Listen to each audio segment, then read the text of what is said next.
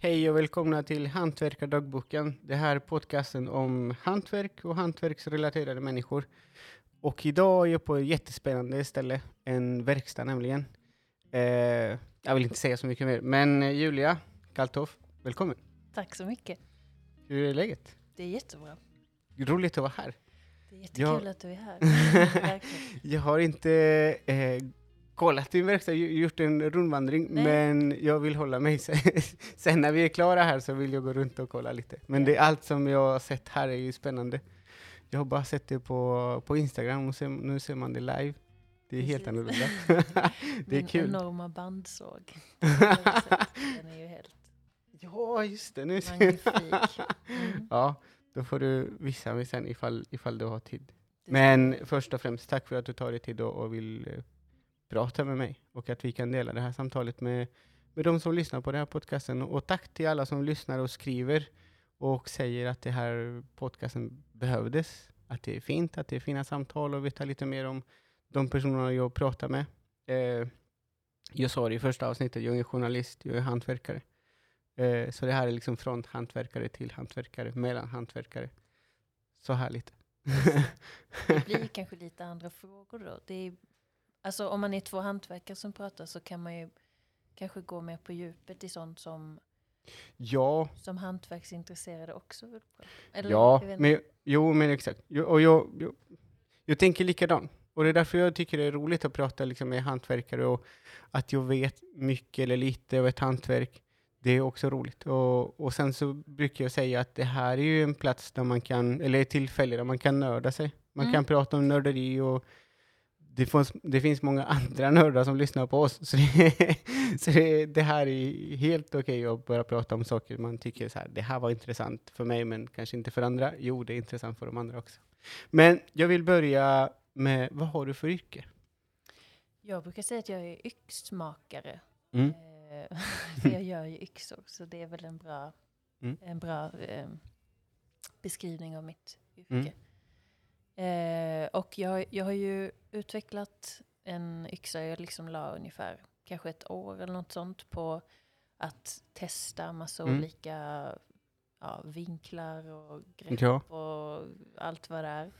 Ehm, så det är väl liksom en del av mitt yrke, själva utvecklingen. Mm. Sen nu så tillverkar jag den här yxan. Mm, jag, kommer, jag kommer fråga dig om, om yxan, Ja. om yxan i sig sen för att det, det, jag tycker det är väldigt spännande det du gör. Mhm. och hur du sköter allt, sociala medier och kollar på din hemsida. Du kommer fråga och hur det känns och att, att folk gör anpackning av din, av din jätteroligt. Jag tyckte det var jätteroligt, men verkligen så här. Det är för att till exempel eh, Tormek, Ja. den är ju känd över hela världen.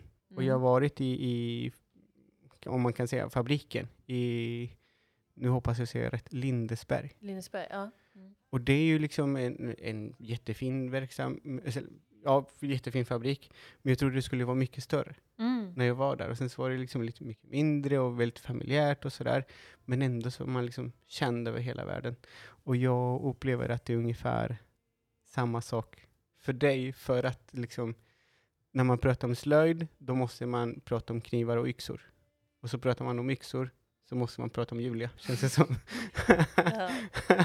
Var roligt. Nej men, eh, ja, jag vet inte vad jag ska säga. Det är ju, det är ju roligt att det är så många som slöjdar också över hela Mm. världen.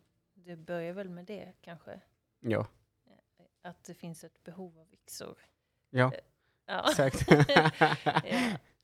Men det var, pluggade du någonting innan du började köra Ehm, eget och så? Alltså jag började lära mig eh, jag började lära mig smida på Mm. Gränsås bruk när jag var 19 år. Och då så gick jag bara deras vanliga, sån här, de har ungefär veckolånga kurser. Och så gick Mm. jag alla som de hade hela sommaren. Wow. Ja, ehm, och sen så blev det ju att jag... ehm, ja, de behövde någon som kunde vara stand-in på Mm. Wetterlings, som var deras systersmedja. Och då hoppade jag in där utan att riktigt veta vad jag höll på med. Men jag skulle bara vara där i tre månader. Ehm, Då var du 19-20 år. precis, jag hade Oj. precis fyllt 20. Ja. Mm. Ehm, men, och sen när jag jobbade på Wetterlings då så ja, det var ju massa liksom learning by doing Mm. i själva vad ska man säga, företagsbiten. Men jag gick massa kurser, alltså sådana små strögrejer. Jag kommer ihåg en gång åkte jag till England och gjorde en egen eh, täljhäst. Eh, Wow. så- Alltså till en, Mm. en kund till oss. Och så. Och sen har jag gått lite snickeri kurser, så lite allt möjligt sådana små, Mm. små grejer. Kan vi gå tillbaka lite längre? Lite Till- längre tillbaka? Tillbaka lite- tillbaka. lite Ja. längre i tiden. Så. Ja. Eh, vart kommer det här intresset för smide?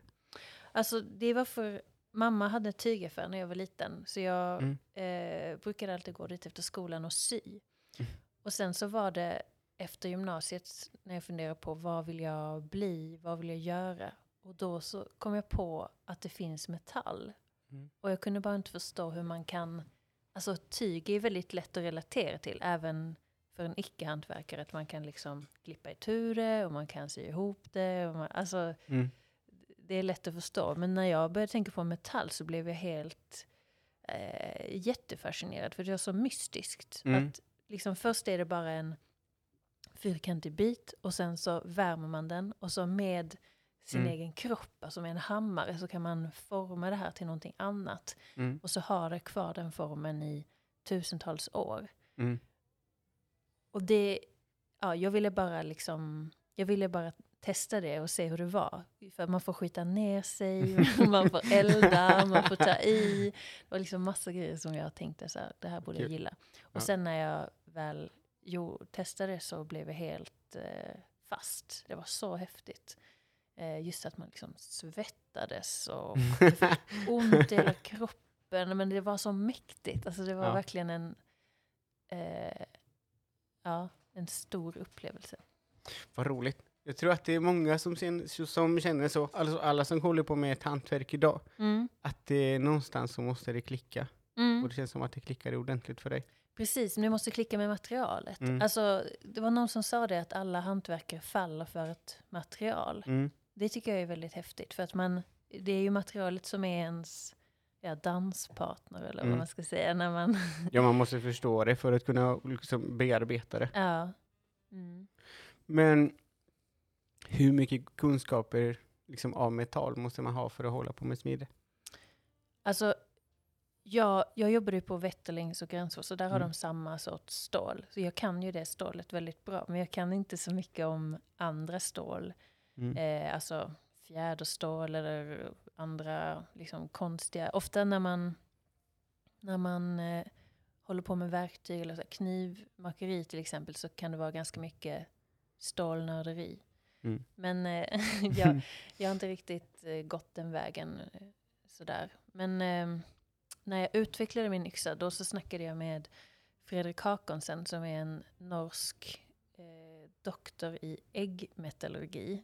Han, han har ju verkligen nördat in på det här med stål. Ja. Alltså, nu, nu måste jag avbryta det, men jag Ja. brukar alltid säga, häromdagen så, så, så skulle jag köpa hörlurar. Ja. Och det är liksom samma sak som när man ska köpa sin första hyvel. ja, Eller sin första kniv, eller sin första yxa. precis. Man fattar Vad, ingenting. vad, vad ska jag köpa liksom? Och, vad, och det, här, det här ser likadant ut och det här kostar 500 mer. Vad är skillnaden? Mm.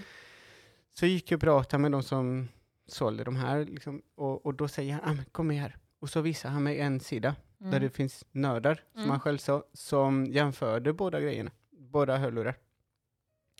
Och jag, då tänkte jag spontant så här, man ska verkligen vara tacksam över att det finns så många nördar i världen, för det är de som till slut där räknas på något sätt att en viss teknik eller en viss sak inte ska försvinna och att alla ska ta en del av den, den informationen. Mm. Så det är tack till alla nördar. Ja. Det är häftigt att liksom verkligen fråga någon som vet. För det är Mm. också många som säger så här, ah, men det här står det. där, rör, rör." Liksom Mm. att det är lite så här tyckande. Men egentligen är det ju ganska, vad ska man säga, vetenskapligt. Att så här, det här stålet har de här egenskaperna. Och, alltså, och han är ju doktor, så han, Mm. han kan verkligen sin grej. Mm. Till exempel en vanlig sån här, vad ska man kalla det, ett vanligt missförstånd eller vanlig missuppfattning är ju mer kol desto bättre, Mm. eh, ja, bättre ägg Mm. till exempel. Men så är det inte för att ju, ju mer kol desto hårdare kan en ägg bli. Men det Mm. finns ingen vits att ha en ägg som är så hård som möjligt, utan då kan det nästan bli som glas. Mm. För att det kanske också spricker. Precis, och ju Mm. hårdare det blir, Mm. eh, ja, ju, ju sprödare blir det. Och eh, det blir också svårare att slipa om. Så Mm. det kan gå sönder lättare och svårare att få vast. Mm. Så det är en balans mellan hårdhet och seghet. Och då vill man liksom hitta den perfekta mixen av legeringsämnen Mm. eh, för att det ska bli bra för just min grej då, som är yxor. Eh, Wow. ja, nej wow. mm, ja. och, så, och så har du eh, utvecklat en yxa också. ja, med all precis. den här Men, information. så- Okej, Riktigt spännande. ja, men så då när jag skulle utveckla den, då så pratade jag med Fredrik och då så sa han, "Ja, men jag tycker du ska testa de här, de här tre stålen. De är li- lite olika varandra men liksom bra på, på olika sätt. Och då smidde jag yxor i, i alla de tre och sen härdade det liksom helt by the book. Och så gjorde jag massa hugg i sysalrep och i eh, torra grankvistar och i papper. Alltså och försökte verkligen skada yx, eller äggarna då på Mm. exakt samma sätt. Och då eh, ja, så var det två stycken som var nästan lika bra. Så valde jag mellan, mellan de två. Då tog jag den som var lättast att slipa om. Mm. Så det är liksom, jag vet inte om jag kan så mycket om stål eller hela den här Ja. berättelsen. Jag vill bara visa att, att jag har liksom, eh, jag kan mycket om det just jag håller på med, men jag vet inte om jag kan så mycket om stål.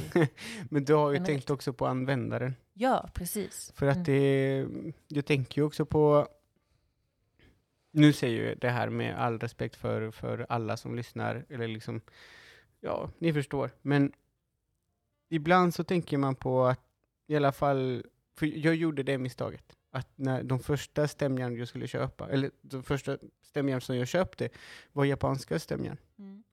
Men då måste man eh, lära sig. Det, det, det, blir, det, blir, det blir nästan en så här, ett sätt att leva. Mm.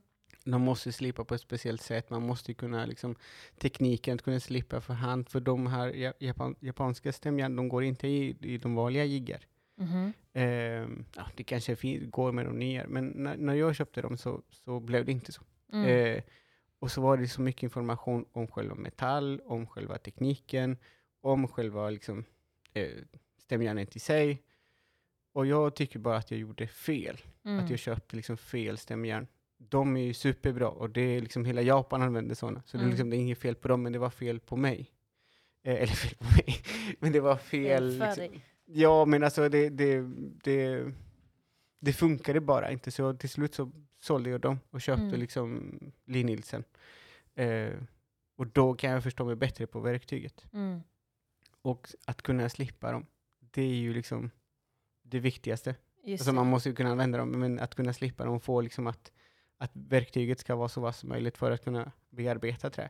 Det är viktigt. det är det Och, viktigaste och kan, man allt. inte, kan man inte det, då är det ju kört på något Ja. sätt. Nej, men förutom att kunna använda verktyget så måste man ju kunna slipa det. För annars kan man ju bara använda det så länge det är vasst. Ja, men Och exakt. det exakt. slut. Och det, och det är Ja. lite så jag kände med de här japanska stämjärn. Mm. Att jag inte riktigt kunde komma dit så här för hand. Nej. Eh, och, och då kom ju liksom något helt annat. För det var inte bara eh, stämjärnet i sig, utan det var stenen också.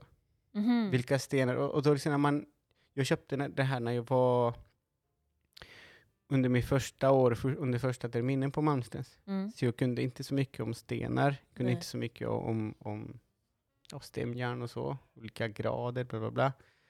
Eh, sen lär man sig. Och ibland så måste man lära sig den hårda vägen. Just det. Men de kanske är lite krångligare? Eller, eller vad är det som liksom... Hur, vad är skillnaden att slipa en sån? Alltså, de är hårdare. Mm. Det vad jag, nu pratar jag också om det jag har hört och läst. Mhm. Eh, att de är hårdare och hårdare att slipa. De har ju Mm. också en blandning av två olika metall, Just som det. jag förstår. Så att, exakt. Mm. Men sen är det ju också att formen på, på stämjärnet inte riktigt passade mig. Mhm. Och jag, jag tyckte inte riktigt att det var... De Själva- är lite kortare eller? Ja. Mm. Och det var liksom det här när man kollar på, på Youtube.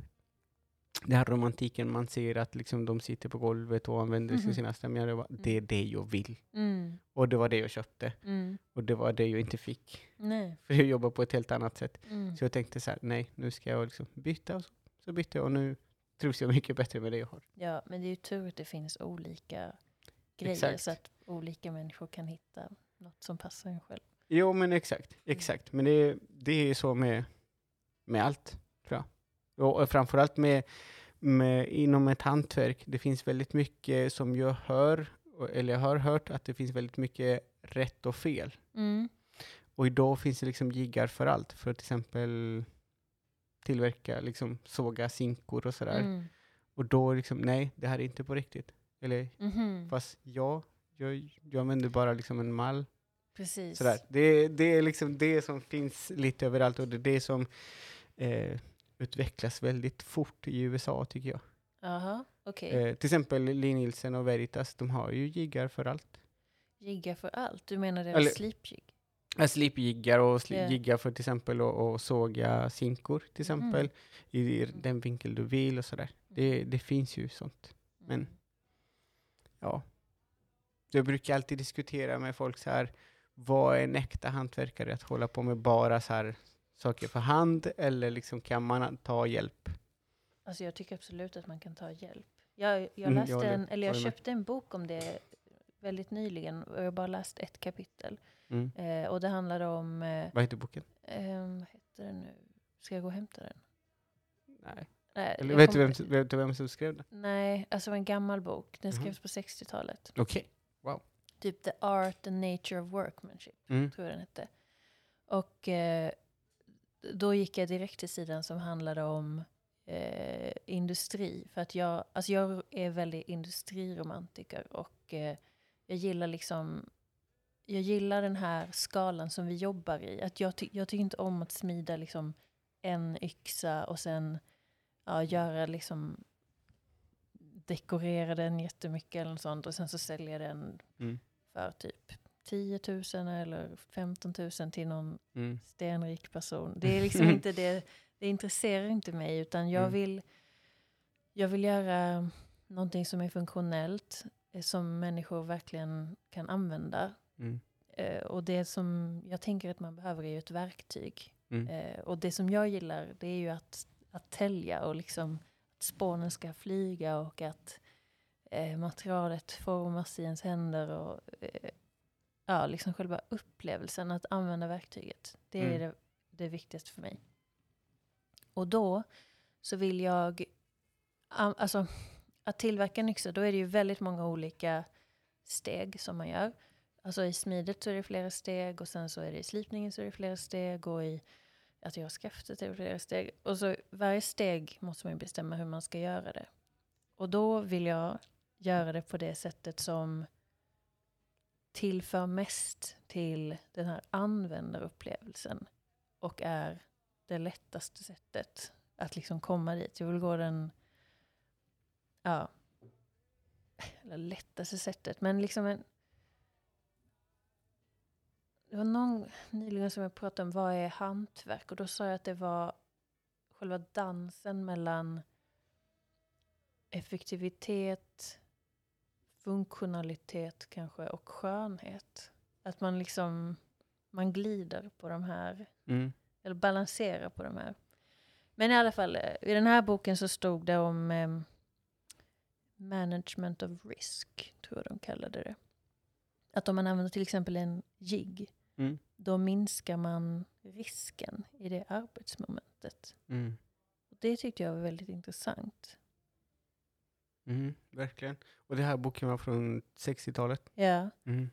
och det var ju, jag tror att den här boken är en reaktion på, alltså 60-talet då blev ju allting väldigt, eh, vad ska man säga, funktionalismen och all sån här plast kom och allting skulle vara så superrationellt. Så det Mm. här var liksom en, en kritik mot det där superrationella. Och de sa hantverk är visst jättebra och liksom sådana där grejer. Men jag tyckte det var intressant just det där med risk. För att alltså en sån där, eh, vad heter den där eh, sågjiggen som du sa? Att Lili Nilsson och Veritas har. Ja, Veritas har Ja. för, för um, hand, eh, för handsinkor. Handsinkor, precis. Så om man har en sån, då minskar man ju risken Mm. i det momentet. Mm. Eh, ja, det kanske... Eller, Nej, jag förstår det helt och hållet. Ja, och då kan man ju säga att det är mindre hantverksmässigt. Men det kanske är det, kanske är det smartaste sättet att göra det på, att ha den jiggen. Mm. Jag känner att vi går in eh, djupare och djupare Ja. på, på en diskussion Ja. som, vi, som behövs kanske fler. Jaha. Eller folk tycker, tycker eh, väldigt olika. För till exempel... Nej, nu, nu kommer jag ännu djupare på någonting. Men vissa, vissa personer eh, kopplar hantverk direkt med män. men. Ja, jag Mhm. har hamnat i, i många samtal. Mhm. Sådana samtal i alla fall. Mm.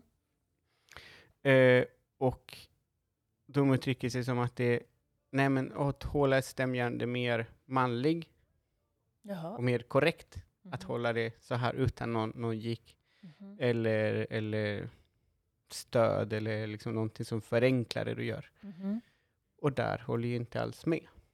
Eh, men tyvärr så finns det liksom sådana såna samtal som kommer upp. Mhm. Eh, måste säga både på spanska, det Ja. språket är, som är mitt modersmål, och där mycket mer än vad det är på, på svenska.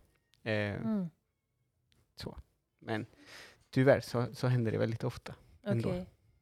Ja, ja, men då behöver inte jag... jag, be- jag försöker inte vara manlig i mitt arbete. Jag försöker bara göra en så bra yxa som möjligt. Exakt. Det är det det handlar om. Eh, hantverk, det kan vem som helst hålla på med. Mm. Och det brukar jag alltid säga. Och oavsett vilken väg du har gått för att uppnå ett bra resultat, Mm. bara du trivs med det, Ja. så är det fine. Mhm, Men vad tycker du då? Vad, vad är frågan? Nej men liksom, är det mer manligt att hålla ett stämjärn Nej. utan jigg? Nej, jag Nej. tycker det är löjligt, att det är bullshit, att det är de saker som finns, att, det, att, det, att de utvecklas för att det behövs. Mm. Att det, man inte ska hålla på med ett hantverk bara, att det inte bara är proffs som ska hålla på med ett hantverk. Att till exempel i, i mitt fall, jag som är möbelsnickare, jag vill att så många som möjligt ska kunna tillverka möbler. Och är det liksom en, en, den glada hemma, eller som håller på med, med möbler under helger i Mm. garaget hemma, Mm. den personen ska också få möjlighet att kunna ha jättefina sinkor. Mm. Men kanske inte upplever att till en början, jag kan inte riktigt hantera det här. Men det finns jiggar. Jag vill Mm. få ett resultat. Jag vill inte spendera ett, ett halvår för att kunna bemästra det här. Nej. Så för mig kan vem som helst göra det. Mm. Och det, det är på något sätt ett, för mig är det ett sätt att folk ska uppskatta hantverk Mm. mer och på ett annat sätt. Mm. Ju mer man håller på med det, då, Mm. eller desto bättre förstår man ju liksom hur lång tid saker och ting tar, var, varför det kostar vad det kostar, Ja, till exempel. Alltså det är intressant att du kommer in på det. Vi pratade ju lite om det innan vi började spela in. Mm. Men liksom eh, att saker och ting tar tid och sådär. Men, och det stod också i den här boken att ehm, en anledning att man använder en jigg kan ju vara för att man vill göra det mindre svårt. Eller så kan det vara för att man vill spara tid. Mm. Eh, och det var egentligen det jag tänkte på mer eh, än att det är alltså, Men eh, alltså som ehm, hantverkare då, eller som du är som tar beställningar från en kund. Det gör du väl? Ja, väldigt lite. Ja, det. ja, men om man är en hantverkare som tar beställningar från en kund, då vill man ju såklart, man vill göra det så bra s- resultat som möjligt. Och sen så vill man ju att det inte ska ta 100 år, om det inte hade behövt ta 100 år. Det kanske bara hade behövt ta 50 år. nej, men, nej, men då kanske man använder en jigg för att det, man får samma resultat, Mm, kort, alltså på en snabbare tid. mm. Vad tycker du om det? Ja, alltså jag har ju köpt många jiggar. Ja, Speciellt för att slippa mina verktyg. ja, Där har jag köpt eh, både Veritas och eh, Linn Nielsen. Så jag tycker att i marknaden att de är de bästa. Eller de som är, jag tycker i alla fall att det är de, det bästa för det jag har. Mm. För jag har både Linn Nielsen och Veritas och jag använder dem på två olika sätt. Mhm. Till exempel mina hyvelstål med, med Veritas jiggar Mhm. och mina stämjar med, med Linn Nielsen jiggen. Okej. Och då känner jag att jag, liksom, att jag kan ha kontro kontroll över det jag gör. Ja men precis. För att det, då blir det liksom exakt som jag vill. Jag vill att det ska bli...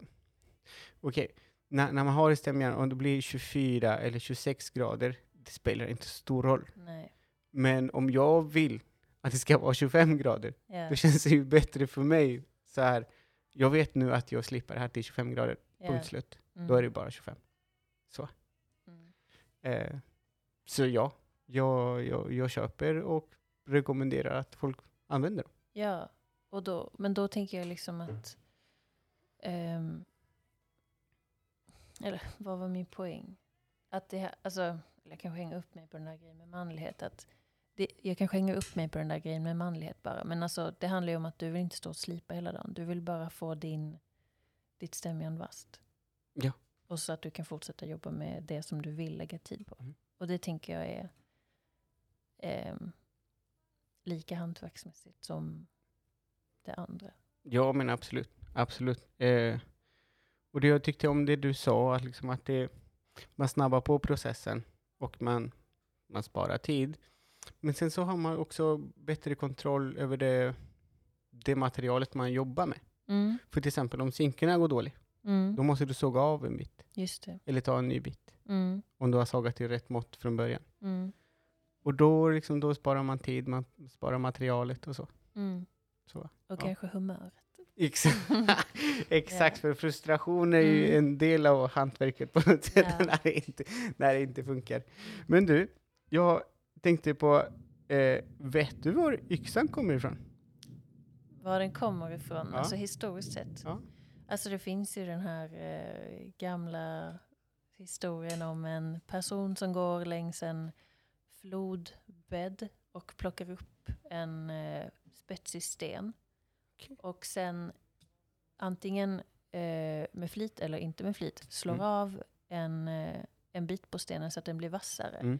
Och då kan man få komma längre in i märgben eller öppna en kokosnöt, vad det är man ska göra. Och så tänker eh, den här personen då, åh vilket bra verktyg, det här ska jag spara Mm. och använda det en gång till. Mm. Och den tankeprocessen, det var den som markerar skillnaden mellan, eh, eller så att vi gick från subman till true man, Mm. eh, har jag läst i en bok då. Mm. Att när vi börjar göra verktyg för framtida bruk så ehm, ja, då är vi inte längre liksom en apa som springer runt och bara råkar hitta ett äpple och blir mätt. Mm. Utan man kan liksom skaffa mat Mm. och då sätter allting igång. Så kanske, kanske att det är då där yxan kommer ifrån. Mm. Ja men jo, jag, jag, kö- jag köper det för att jag, jag, jag tänkte på det på vägen hit sådär. Mm. Och jo, men det måste ju liksom första, om man säger så, första yxan måste vara gjort av sten. Mm. Och sen så liksom med tiden och ut, då utvecklas liksom människan och verktygen och hur man hanterar det och materialet och så vidare och så vidare. Så Mm. det för mig tycker jag, jag tycker att det är väldigt, ändå på något sätt, fortfarande ett väldigt primitivt Ja. verktyg, Mm. men fortfarande här, idag väldigt avancerat. Mm. Verkligen. Men jag, under den här tiden som jag, som jag eh, googlade, Julia, Mhm. då har du sagt eh, att eh, folk ska slöjda mer. Folk ska slöjda mer. Ja. Ja. Vad menar du med det? Ja, alltså det är ju... ehm, jag tycker att det är så himla roligt att jobba med färskt trä.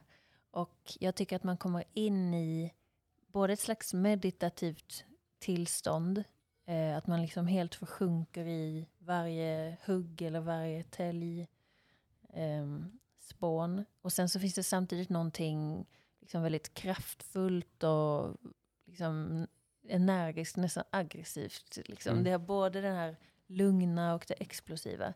Jag tycker det är väldigt eh, alltså starkt och fäng fängslande. Mm. Och sen så så som det blir för mig när jag täljer, då, Mm. då slappnar jag av och så tänker jag, åh vad härligt. åh vad härligt allting är. Nej men liksom att ehm, man kan sitta och fundera på någonting eller ehm, vad ska man säga, jag tänker att man kommer komma på bra grejer. Mm. Eh, alltså kanske få insikter eh, om någonting. Och det som, alltså det här är ju lite fjantigt egentligen, men för mig så är det så här och därför tänker jag att det är det för andra också.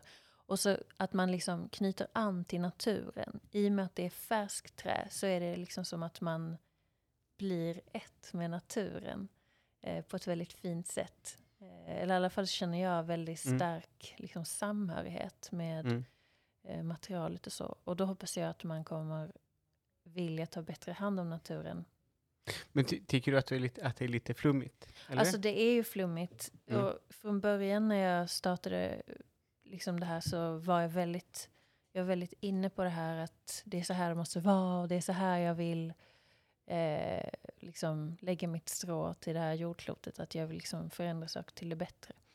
Eh, men och nu så har jag, jag har kommit på att, det, att antagligen så är det ganska många som köper yxan som som inte får någon sån här rädda världen-behov. Som, som bara liksom ett brev på posten. Ehm, men alltså jag tycker att, att eh, människor ska slida så att de får liksom känna den här...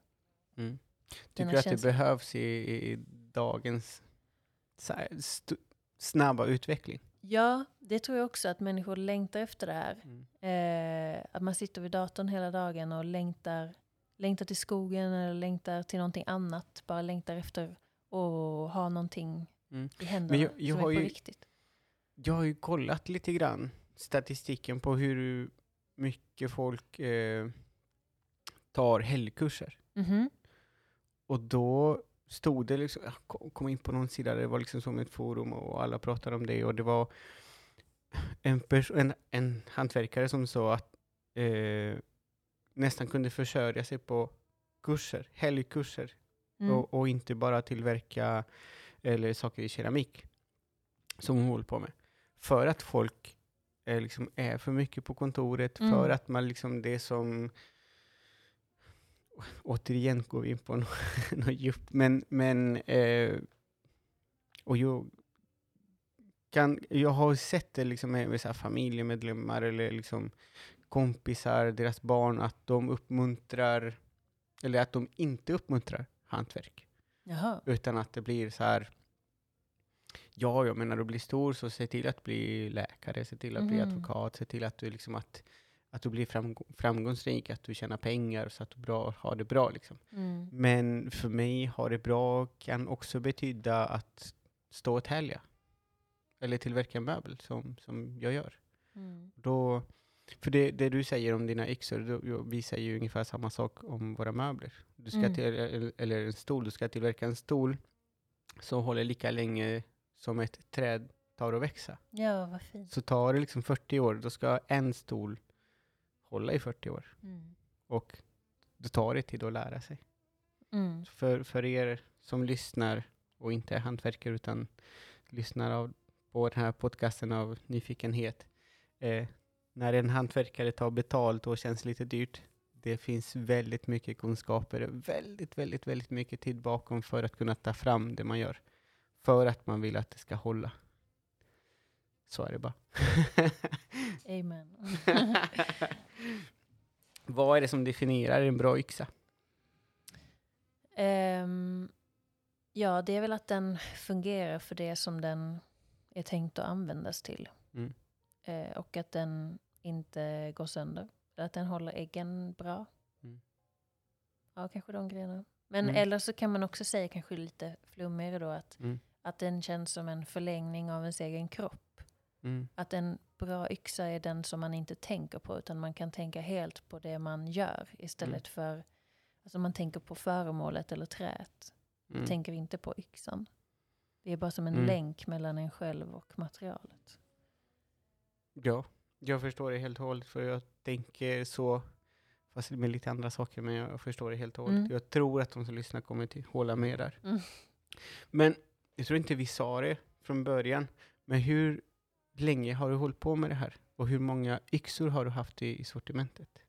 Eh, alltså jag började ju med yxor när jag var 19. Mm. Men det var ju hundra år sedan. det men- var ett elegant sätt att Ja. fråga hur gammal du är nu.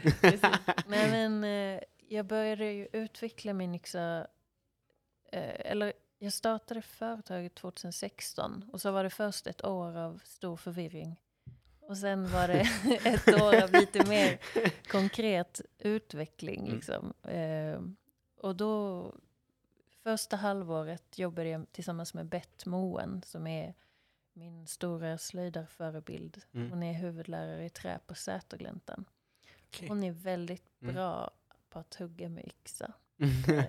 Eh, Så det, då jobbade jag tillsammans med henne och liksom skickade prototyper fram och tillbaka. Och, ehm, så, och sen så tog det ett halvår ungefär att få till liksom med smedjan och svärveriet och trä och läder och alla sådana små Mm. grejer.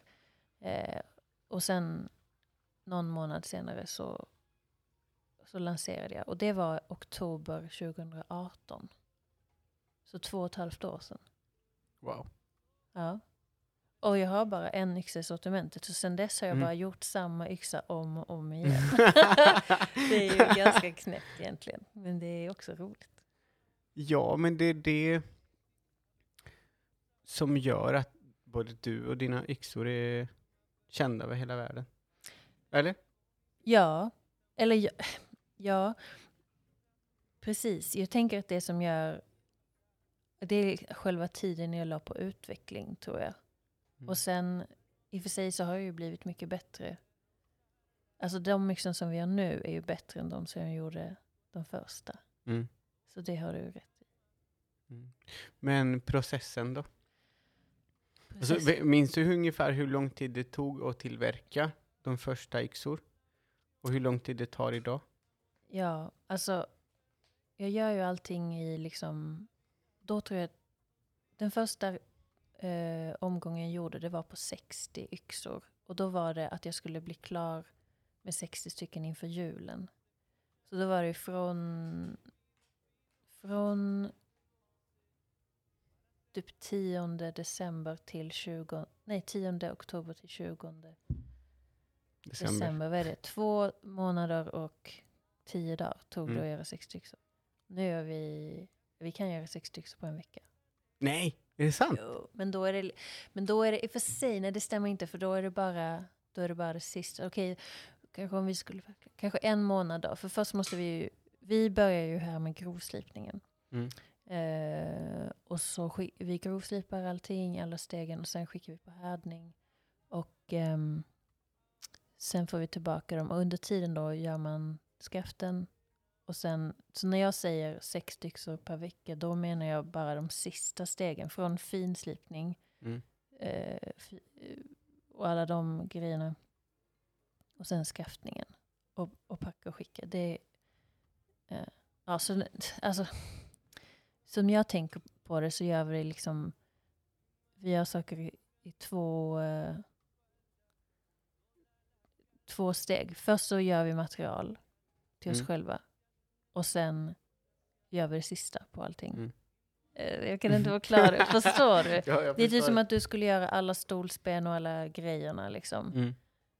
Och sen när jag frågar hur många stolar gör du på en vecka, då är det att du sätter ihop de eh, Exakt. grejerna. Ja. Ja, Mm. men sätter ihop när, när jag har sett eh, så mycket detaljer Mm. du lägger på dina yxor, Mm. att sätta ihop låter ju väldigt enkelt. Ja, precis. Det är väldigt förenklat. Ja. ja. Nej, men ibland när folk frågar, aha, eh, du smider inte yxan själv? Jag bara, nej, men jag gör väldigt många andra saker. Mm. Alltså smidigt är ju bara en del av, av allting som Mm. behövs. Liksom. Så jag, jag gör de sakerna som är mest liksom, yxiga. Mm. Eh, och då menar jag inte yxig som någonting hafsigt, utan jag menar mest specifikt liksom för yxor. Till exempel att slipa en yxa, att skafta en yxa, sådana saker. Mm. Det kan ju inte vem som helst göra. Eh, Men till exempel att Mm. svarva ett yxskaft, det kan och för sig inte heller vem som helst göra. Men jag jobbar med Smedbergs som är ett svarveri i Småland och de gör, de gör yxskaft till, eh, till Mm. alla yxproducenter i Sverige. Och de är ju skitbra på att göra yxskaft. Okej. Så då gör liksom de det. det. Det skulle vara dumt av mig att göra det Mm. själv när de är så duktiga. ja. Ja. eller ja, det är roligt att man kan ta vara på, eller samarbeta i alla fall med de företagen som har specialiserat sig på en sak. Och nu går vi tillbaka liksom till de nördar som gör en sak Mm. och en sak i taget och blir svinduktiga på det de gör. Verkligen. Och då har du hittat ett företag som tillverkar just eh, Mm. Men de gör som en grund. Liksom. Mm. Och, och sen så det som vi gör här, är att, eller det som jag gör då är att eh, rita ehm, slintskyddet kallar jag det, eller knoppen längst ut. Mm. Och såga av den och sen putsa den på Mm. bandslip. Och sen så täljer vi av hela ytan så att det blir rätt mått också. För det kan Mm. ju skifta lite i eh, svarven. Mm. Vad är det för material i skaftet? Ask har vi där. Ask. Mm. Varför just ask? För att det är det mest traditionella svenska träslaget för yxskaft. För att det är liksom mest, det, det mest traditionella? Ja, och Mm. där, därmed det bästa. Alltså det, ja, jo, jo, men Ja. det, ja. jag, jag tänker ju på det liksom att det, man har ju det är ett beprövat material. Precis. Man har ju kommit fram till att okej, furan kanske inte var så bra för det här för att den Nej. gick av, för att den böjde sig och sådär. Mm. Men, Får, jag, får jag fråga dig en väldigt nördig fråga som jag kom på nu? ja, eh, tänker du på fiberriktningen och flexibilitet av skaftet? ja, jättemycket. Hur, hur ska det vara? Alltså det ska vara stående.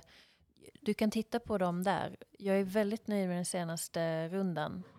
Nästan alla är perfekta. Nu har jag ett skaft framför mig. Och det, om man tittar, hur kan man säga det? Liksom, Längs med skaftet. Ja, då är det stående fiberriktning. Och varför Precis. är det så? Ja, det är för att, för att det är mer hållbart. Mm. Jag faktiskt läst det på internet häromdagen. Någon som argumenterade för att man skulle ha det på andra hållet för att det flexade bättre. Mm. Ehm, men alltså det är så här alla har det. Och det är ju för att det är starkare i den, i den ledden. Jag, Mm. så, an, så som jag förklarar för mig själv varför det inte ska vara på andra hållet är för att då kan hela magen liksom trilla av. Eller hela Ja, exakt, för, knoppen. det, för Ja, den formen den har. Då, Mm, exakt. precis. Då är det ja exakt. Ja, så det behöver vara sådär. Mm. För jag skrev mitt, eh, mitt examensarbete Mm. om, ehm, jag, jag, tog, jag känner mig så, jag skäms varje gång jag berättar om mitt examensarbete för att det är Mm. väldigt nördigt. Eh, och det fick kommentar, kommentar många gånger att det var någonting som inte skulle vara användbart. Jaha. Så eh, det kanske det inte är, men jag, jag vill ta fram träfjädrar.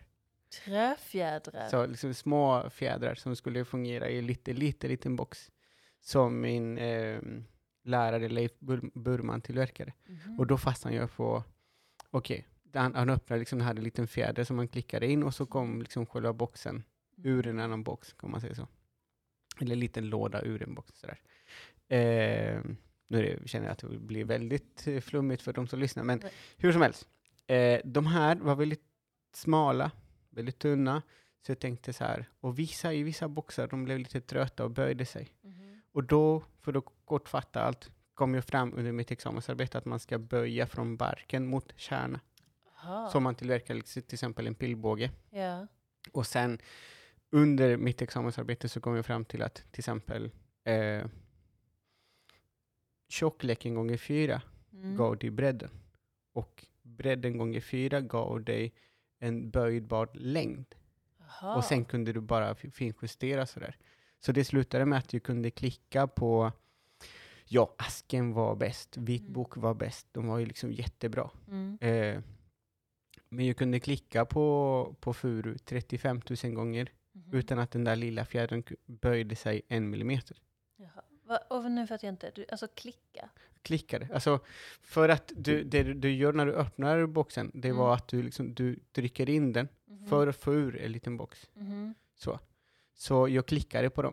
Så alltså jag, du tryckte in den? exakt, eller jag gjorde som en liten, en, ja, en rund grej Ja, på ett bord, liksom Ja. som de gamla telefonerna. ja. Så. Och va, i ändarna så hade jag många ehm, pinnar som Mm. då skulle liksom gå mot den här fjädern och klicka på dem. Så varje Ah. gång jag snurrade Klick, klick, klick, så blev det Ah, så här klick, klick, klick, klick, klick. Och då kunde det liksom gå i olika tider på dagen och bara liksom snurra så här. Säg, ja, det var, säg att det var 20 klick per varv. Mm. Och då kunde du bara så här, okej, 10 gånger, ja, 100. ja. Okej, så, så, så stod jag där typ en kvart och sådär, så bara okej, så här många gånger, så här många klick. Och sen så under en vecka, ja, till slut, furan där, 35 000 gånger, det böjde sig inte en millimeter. Och det var bara för att jag kunde liksom välja rätt sida för att Ja. böja den, och sen rätt eh, dimensioner. Gud vad intressant. Så den som vill tillverka träfjädrar kan kon- jättegärna kontakta Ah. Men vad roligt. Vad roligt att du är så systematisk. Ja. ja, tack. Ja, men jag tänker på mig själv när jag stod där och högg. Liksom. Alltså, nu ska jag hugga hundra hugg i det här sisalrepet. Och sen ska jag titta på, på äggen i Mm. mikroskop efter det. Alltså det är ju samma sak. Det är ju liksom bara, hallå. Men jag, jag tycker att det är det som, som gör oss till hantverkare. Mhm. Har man inte den inställningen att man måste forska, eller liksom Ja, lära sig, Mm. lära sig, forska, Mm. testa, utveckla och sen lära ut. Mm. Då, då eller hur börjar jag meningen? Om man inte har den inställningen, Mm. då, då tycker inte jag att, att man är på rätt spår. Mhm. Det är i alla fall jag. Mhm. För jag tycker att för mig är hantverk tradition. Mm. Och det är det du jobbar med. Och är det tradition så betyder det att det var, har varit många generationer innan dig som har hållit på med samma sak. Mm. Och då tycker jag att man ska för, förmedla det, lära Vidare. ut till både Mm. tjejer och killar Mm. för att den som vill ska liksom ägna sig åt det. Mm. Alla ska inte bli hantverkare. Det är omöjligt, men, Mm. men man ska i alla fall ha den möjligheten. Mm. Fint. Så tycker jag i alla fall. Ja. Inte att Ja. du la till det där med att lära ut. Jag, alltså jag har ju börjat lära ut nu. Ja, tillverka yxor. Nej, att Mm. tälja. Atelja, wow. Ja.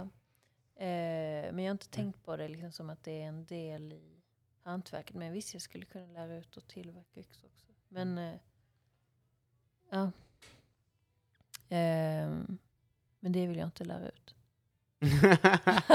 ja, men det finns många saker som jag också kan hålla med med vissa, med vissa hantverkare som när man har, säg en, en familjeföretag Mm. som har tagit år att utveckla en enda sak, Ja, då tycker jag att det är helt okej att behålla sina hemligheter. eller hur? Jag, jag, jag tycker det. ja. För att det, mm, man kan vara rätt generös och dela med sig väldigt mycket. Men vissa saker eh, kan man kanske dela med sig för de som man vet kommer värna om just den tekniken, just Mm. det materialet och så vidare. Mm. Håller med. Mm. Men håller du kurser ofta? Alltså tanken är att vi har um, så workshops som Mm. är att, lära ut yxteknik bara. Mm. Eh, det ska vi ha två gånger i månaden. Och sen så har vi ehm, en mer fördjupande täljkurs. Mm. eh, Var får, var får man information om de här kurserna? På min hemsida eller på Instagrams. Instagram? Ja, Okej. Ja, men det, det är där det händer. ja det är där det händer. Men jag har faktiskt också, alltså den här fördjupningskursen, det är Daniel som har, som, Mm. eh, som jag jobbar med. Världens bästa slöjdare. Vad Eh, heter han på... Storslöjd heter Storslöjd. den på Instagram. Mm. Mm. Men jag har, eh, eller jag ska precis ha min första kurs i att göra yxskaft. Eh, nu i slutet av månaden nere i Mm. Skåne. Det ska bli jättekul. Vad roligt. Ja, Vad kul. det är verkligen nördigt tycker jag. att folk ska göra sitt eget yxskaft. Mm. Mm. Vet du ungefär hur många yxor du säljer i månaden? I månaden, mm, kanske 150? 150 yxor. Ja, Wow, ja, det är jättemycket. ja det är det. 150 yxor. Det betyder att det är minst 1500 yxor om året. Ja, det var det förra året. Wow. Förlåt, jag, jag, hade, jag vet inte varför, men jag hade en helt annan bild som att det skulle vara mycket mindre. Ja, nej men det är, folk vill ju ha yxor. Det är ju helt galet. Ja. ja, Grattis! tack så mycket. Grattis måste jag säga. Men till vilka, säljer du bara liksom i Sverige eller säljer du utomlands också? Nej, utomlands. Mm. Sverige och USA är ungefär lika mycket. Och sen eh, ja, Japan också rätt mycket. Och, men, eller Europa. Mm. Eh, Hur känns det? Nu, nu kommer jag liksom fråga det, för att jag, jag kollade på Youtube mhm. och ofta så ser man så här anpackning av en Playstation, av, av en Mac, av eh, liksom ett verktyg måste jag känna att jag har sett väldigt få anpackning av. Anpackning, Men eh, mixerbord, allt möjligt. Mm, Telefoner framför allt. just det. Mm. Men helt plötsligt så kommer en yxa fram. Och så finns det en, en packning på typ 15 minuter. Nu, nu kanske jag ljuger lite, men Skämt. jag tror att det var eh, en, ja, säg 10 då. Mhm. Att en person liksom visar lådan, tejp du har, hur de öppnar liksom pappret och sådär och visar och lägger, heter det här magen? Ja, Skaftet. ja, Lägger fingret där och liksom ser hur perfekt balanserat Eh, yxan är och sådär. Den personen var väldigt glad. Hur känns det? Ja, alltså jag kan ju tycka att det är lite fjantigt nästan att de gör det. Men det är ju väldigt smickrande såklart. Ja. Eh, men jag tycker att det är gulligt också. Mm. Och jag blir glad att de, att de uppskattar den så mycket. Det är ju en jättefin gest av Verkligen. dem. Ja. Var, var det din tanke från början att du skulle sälja dina yxor utomlands också? ja, det var det. Eh, Hur, hur nådde du ut till den publiken? Alltså världen finns ju.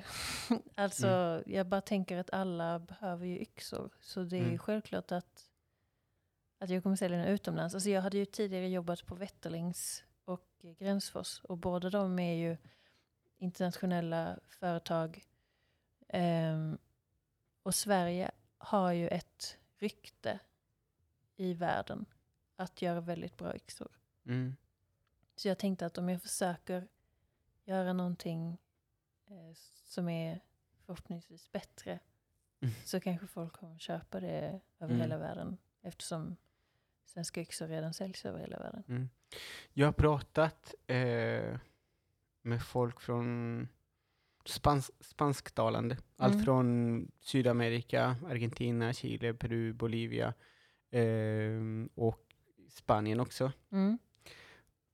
Och det har kommit fram att folk frågar. Jag har Mhm. också kört många livesamtal på mitt Instagramkonto Mm. och folk frågar så här, men känner du den och den? Och liksom, folk vet om Morakniv Mhm. och så vet de eh, om Tormek. Mm. Ehm, och nu vet de om Julia Kalto som ja. tillverkar yxor. ja, det är ju fantastiskt. Jag blir jätteglad att de vet. Det är ju Ja. jätteroligt. Och jag tycker det är jätteimponerande. Ja. Men det är jättekul att, att de känner till det. Eller Mm. mig, jag har ju ingen aning om... Alltså det är kul att saker händer utan att jag typ ringer. Alltså om jag skulle ringa en person i Colombia så skulle ju de Mm. känna mig då. Men det här händer ju utan att jag vet Mm. det. Det är ju ganska häftigt faktiskt. Ja. Om, du, om du ska hålla kurser i, i, i Sydamerika någon gång och behöver tolk, då, Ja, då finns du- jag. Vad kul. Vad roligt. Va, hur, lång tid, eh, hur lång leveranstid har du för dina yxor? Eh, Just nu har jag ungefär en månad. En månad. Mm. Så det betyder att jag inte kan åka hem idag med en yxa? Jo, men jag lovade dig att du skulle Tack! Ja. Ja, men jag vill jättegärna ha dina. Lovar du att eh, signera? Var det möjligt? Eh, det kan jag göra. Mm. Tack! Ja, vad roligt. Jag är Mm. glad jag blev. Ja. För jag, jag visste och misstänkte att det var lång leverans, Ja. leveranstid. Jo, men det brukar jag ha. Men jag brukar också göra några extra yxor varje vecka. Mm. Så om man tjatar så kan man kanske få lite snabbare. ja. Ja, vad kul. Mm. Tack, tack. vad, jag tänkte köpa det utan att fråga vad det kostar. Ja, vad kostar det? Det kostar 1990. Alltså nästan 2000. Ja, på riktigt? Ja. Jag tror det skulle kosta mer. Ja. Nej men jag tycker att det, Eh, Jag förlåt, men jag tycker det är billigt. ja, men det är ganska billigt. Alltså, förlåt, inte så att jag har pengar över. Nej. Så- Nej, jag fattar. men, men jag tycker det är billigt för, för allt du har berättat. Ja. Att, att liksom, du har pratat med, förlåt, men vad heter han i Norge? Fredrik Hakonsen. Du pratade med honom. Mm. Det tog dig liksom ett år mer att Mm. utveckla. Du köper liksom yxor, eller skaft av Mm. liksom folk som har specialiserat sig på det här. Mm. Det är väldigt mycket. Men Mm. ja, svårt det här med priser. Kan kanske, kan, förmodligen så är det det svåraste för, för, för hantverkare. Det här med priset. Ja. Jag vet inte. Ehm. jag vet faktiskt inte vad jag ska säga. Alltså, eh, men jag har ju också, vad ska man säga? Alltså jag tycker ju att eh, Jag vet- jag vet. Nej, men jag tycker att men till exempel en laminerad yxa, Mm. eh, om man skulle göra det, då blir yxan mycket dyrare. Mm. Men det är ju faktiskt inte bättre. Alltså det Mm. blir inte bättre kvalitet. Utan jag har, eh, när vi nu smider med stänksmide, så får man ju det bra stålet i hela yxan. Mm. Och då kan man få samma kvalitet till ett rimligt pris. För jag, jag skulle tycka det kändes att det inte kändes bra för mig att sälja en yxa för kanske ja, men 5 000 som jag själv inte skulle ha köpt. För att Mm. jag tycker den är för dyr. Mm. Så, så därför vill jag, jag liksom, alltså det, det är en viktig aspekt för mig att yxan ska vara tillgänglig för människor att kunna köpa. Mm. Och den ska vara riktigt, riktigt bra. Så att alla kan tälja mer. Precis, för det är det jag vill. Exakt. Jag vill inte bara att yxan ska hänga på en vägg. Att det ska vara liksom något som någon eh, rik person berättar för sina jaktkompisar. Mm. Då tycker inte jag det är kul. Nej, jag förstår det. det. Det här ska användas. Och när det Mm. vad det gäller användning, vad ska man använda det till och vad ska man inte göra med din yxa? Eh, man ska ju tälja med den. Tälja med tälje- inte täljyxa. hålla på du går till skogen och hugga ner ett träd. Nej, precis. Men alltså, det är ju vissa som gör det. Och man Mm. kan ju absolut hugga ner ett träd med den. Mm. Men den är ju inte bra på det jämfört med en yxa som är till för det. Mm. Men jag tänker att folk måste själva göra, alltså göra vad de vill med sin, Mm. med sin yxa. Men eh, en sak, den är inte så bra på att klyva. Och det har att göra med eh, att den har väldigt lång ägg. Mm. Eh, och ehm, ja, alltså den, den, den klyver helt enkelt inte särskilt bra. Då får man ta Mm. med en slägga till exempel. Exakt. Men det kan också bli att man trasar upp skaftet lite. Mm. Vilket inte är bra. Så jag tycker att man ska ha en skräpyxa till att klyva med. Alltså när man slöjdar då brukar man ju börja med att klyva fram ett ämne. Mm. Och sen grovformar man det med yxan. Och jag tycker inte att man ska klyva med min yxa. Nej, det är Nej. bra. Det är bra att det, liksom, att det kommer från dig att Ja, det här yxan ska man liksom göra så här. Ja. Man, ska, man ska slöjda, med, man ska tälja. Precis. Men man Så. kan absolut klyva med det med min yxa. Men då får man vara väldigt försiktig. Mm. Och inte bli sur om man har sönder skaftet. ja, ni Mm. som lyssnar, då vet ni. Ja, så Passa er. ligger det till. Passa er. Men då kan man ju göra, tälja ett nytt skaft med sin yxa. Och sen Kan man, kan, man, kan man komma hit med, med, liksom med själva X, heter det huvud? Yxhuvud, ja. Ja. Och, och får ni... Ett nytt skaft. Ja. Alltså, nej. Då, jag tycker man ska göra skaftet själv då. Man kan köpa Mm. en yxa och tälja sitt eget skaft. Det tycker jag är den bästa lösningen. Ja, jo, det är också sant. Så kan man också göra. Ja. Men du, eh, jag tänkte eh, tipsa dig, du vet säkert, men ni andra också ska få en tips här. För er som vill köpa verktyg inom möbelsnickeri och slöjd och böcker, ni kan vända er till eh, Rubans verktyg. Eh, hemsidan heter hyvlar.se. Eh, de säljer de flesta märken, de som jag personligen tycker också är de bästa hyvlar som finns i marknaden. Clifton, eh, Lee Nielsen, Veritas. De säljer de här jiggar vi pratade om i, i början på, på samtalet. Att eh, de gör att det är mycket enklare att slipa verktyg och, och ja, såga sinkor också. De finns där och så har de massa böcker eh, som är sjukt intressanta. Eh, hela, hur säger man, Lost, eh, Lost Art Press. Just eh, det, Lost Art Press. Mm. Så de kan, du kanske har någon bok Ja, här? det har jag. De, jag har köpt dem där. Den där som heter Cut and Dried. Och Woodworking in Estonia har jag också därifrån. Mm. Och, eh, De, de har du köpt av, av eh, på hyvla.se. Ja. okej. ja, och den där också. Eh, Make a joint stool from a tree. Den har jag Mm. också köpt där. Ja, ni hör. Väldigt intressanta böcker. Det är bara kolla på hyvlar.se. De finns i Farsta. Eh, tyvärr har vi fortfarande pandemi, så Mm. helst inte gå dit om man inte liksom behöver jättemycket. Men annars så kan ni eh, beställa på hemsidan. Det går jättefort att både beställa och få det hem, så tänk på det. Ehm, jag tänkte, vet du om det finns ett gesällprov inom yrket, det du håller på med? Yxmakeri. Ja. Det finns ju som smed. Som smed? Ja, men inte som yxsmed. Aha. Men Mm. när man tar en gesäll, är det inte, specialiserar man sig inte på någonting då? Ehm, jo, eller Att man gör en ritning på något och sen ska man liksom utföra den exakt. grejen. Då kanske man kan göra det med en yxa. Ja. Jag vet inte det faktiskt. Mm. Jag vet inte heller.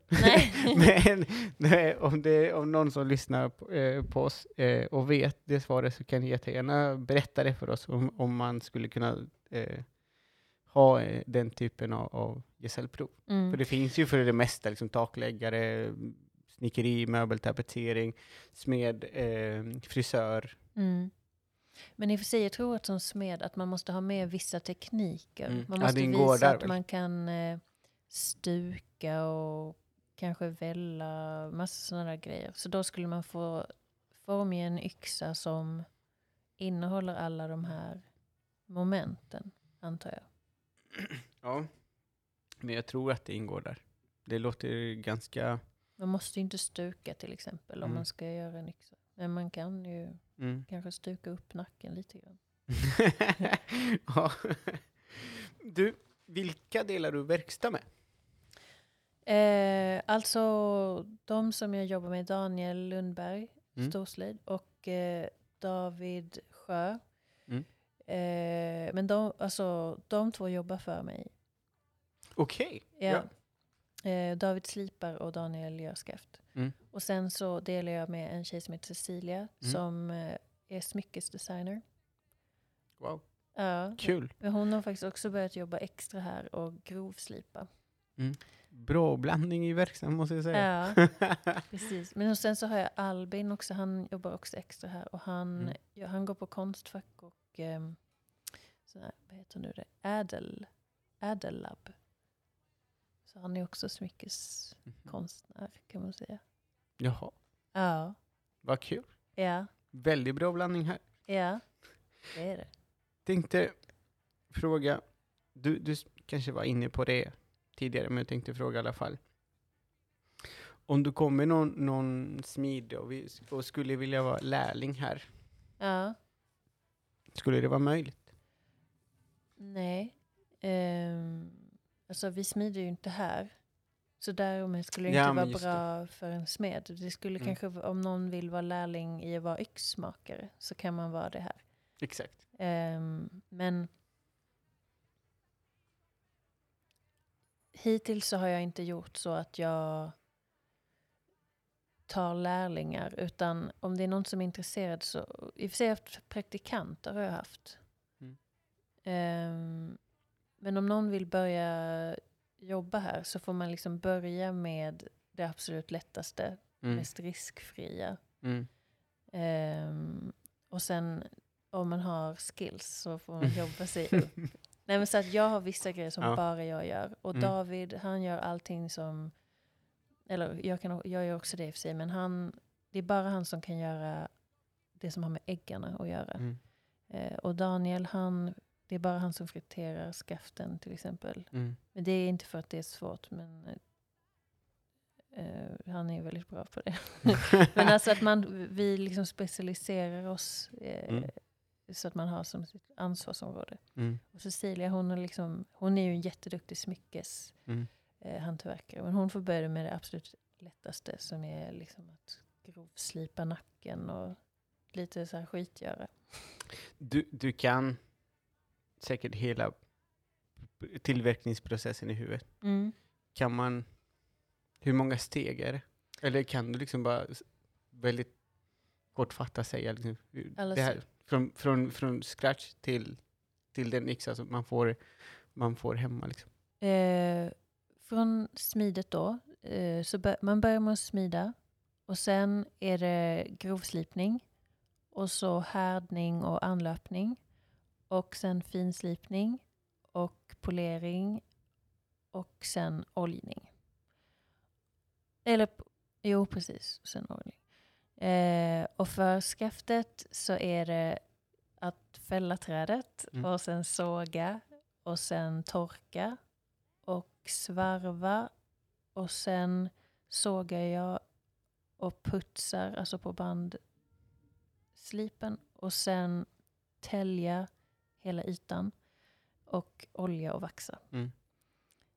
Eh, och sen är det då skaftning och sen såga av utstick och ta bort skrufs, olja och dutta.